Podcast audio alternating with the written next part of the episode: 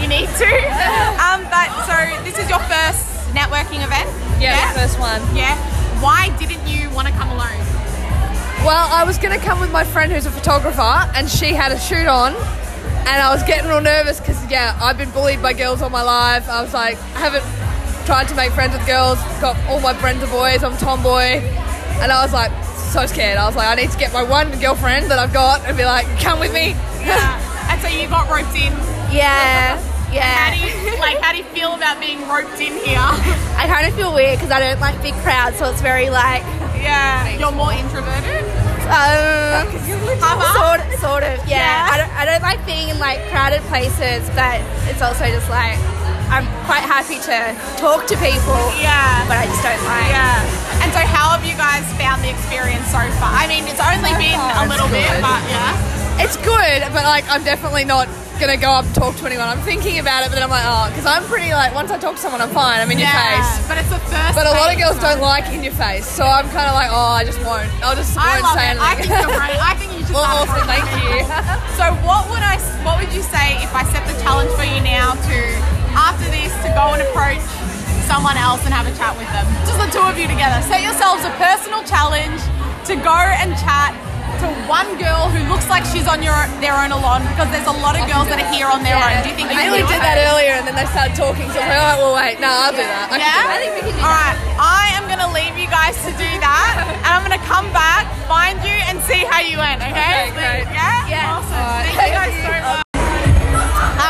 So I guess first question is, have you ever been to a networking event alone? No, no. Yeah, and here you're with a couple of Oh people? no, I'm with this one alone, but like this is like my first one. Yeah, and so how do you feel about things? Because you approached me, essentially. Yeah, um, So I don't know, like- with that? I'm like a pretty outgoing person. Like I don't know, I love meeting new people. Um, but I think because I'm doing like the makeup artist thing today, so I feel like I kind of knew like the other makeup artists coming today. Um, yeah, don't know. I felt fine. Like Do you think it's different because, like, when you're working something, you feel like yeah, maybe. I feel like if I was just coming, just visiting, I'd be a bit like not. I wouldn't know what to expect. I feel like I kind of knew like what the vibe of what it was going to be. Yeah. Um, yeah. And have you met? Have you networked? Have you met anyone that you could create connections with yet? Yeah. Um, I've met photographers, which is really good being a makeup artist, especially because I want to do um, more editorial work.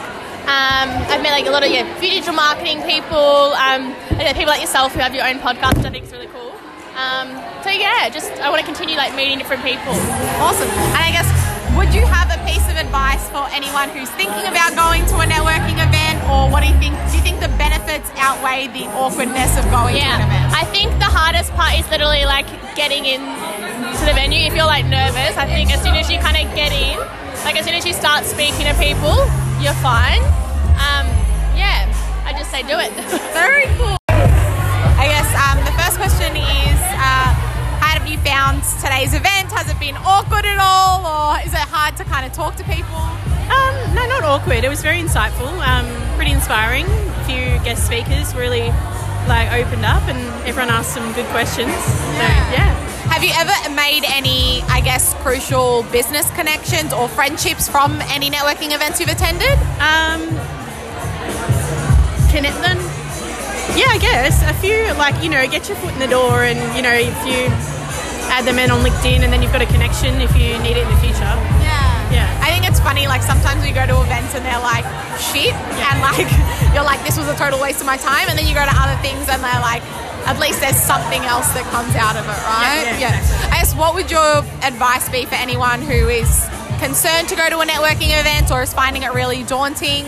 Just grab grab your girlfriends, just come along. Like why not? It's a fun night. Like not night, but today was a great day. You know, a couple of prosecco's. It just gave me a Sunday buzz. I'm loving life. So Awesome. yeah. Thank you.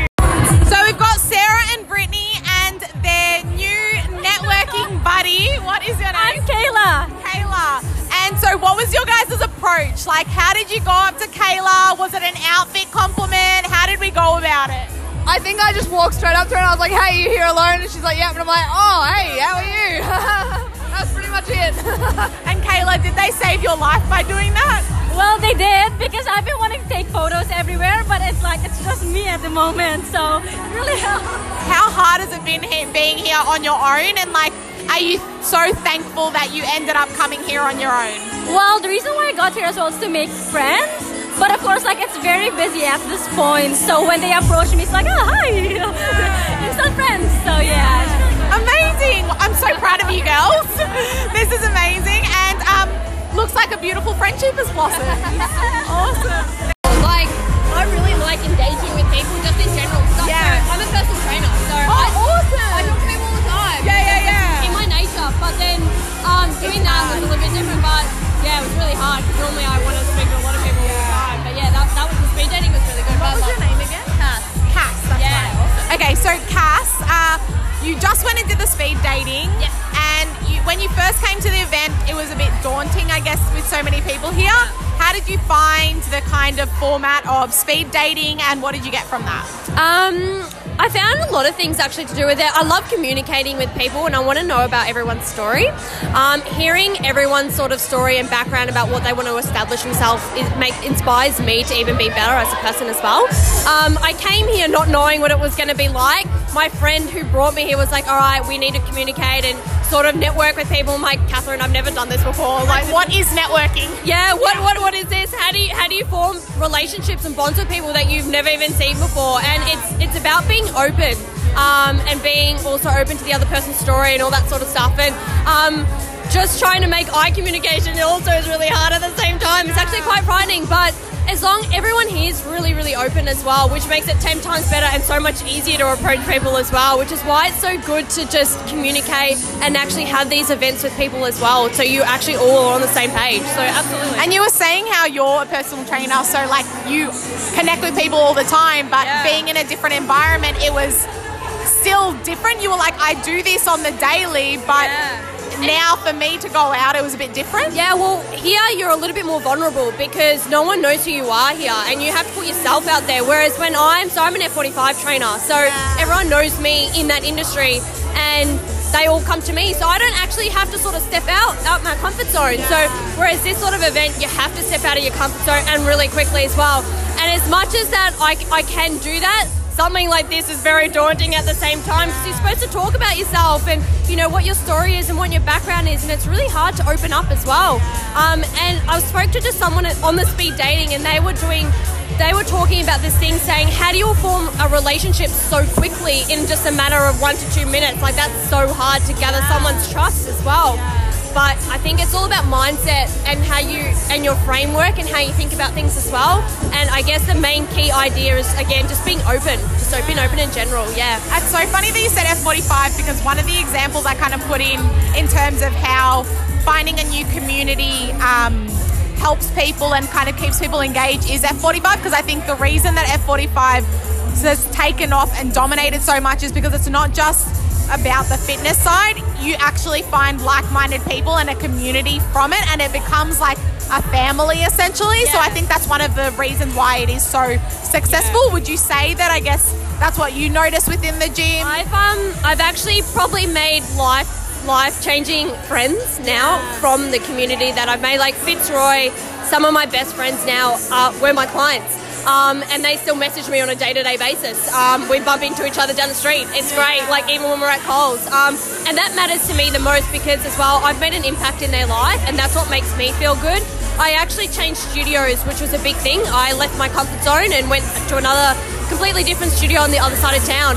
And now I have clients messaging me being like, when are you in? When are you taking classes? Because I'm only going to be there when you're there. And again, it's not just me being a trainer to them, but I'm also their friend at the same time. And I've made relationships, and it makes me feel good that they go out of their way to message me and being like, when are you on this week? So I can see you and talk to you. So, um, absolutely, like friendships and all that sort of stuff. That's what F45 is also now about. It's not about fitness. It's about lifestyle, community, and having those friendships and relationships with people. Yeah. Amazing. Thank you so much. That was awesome.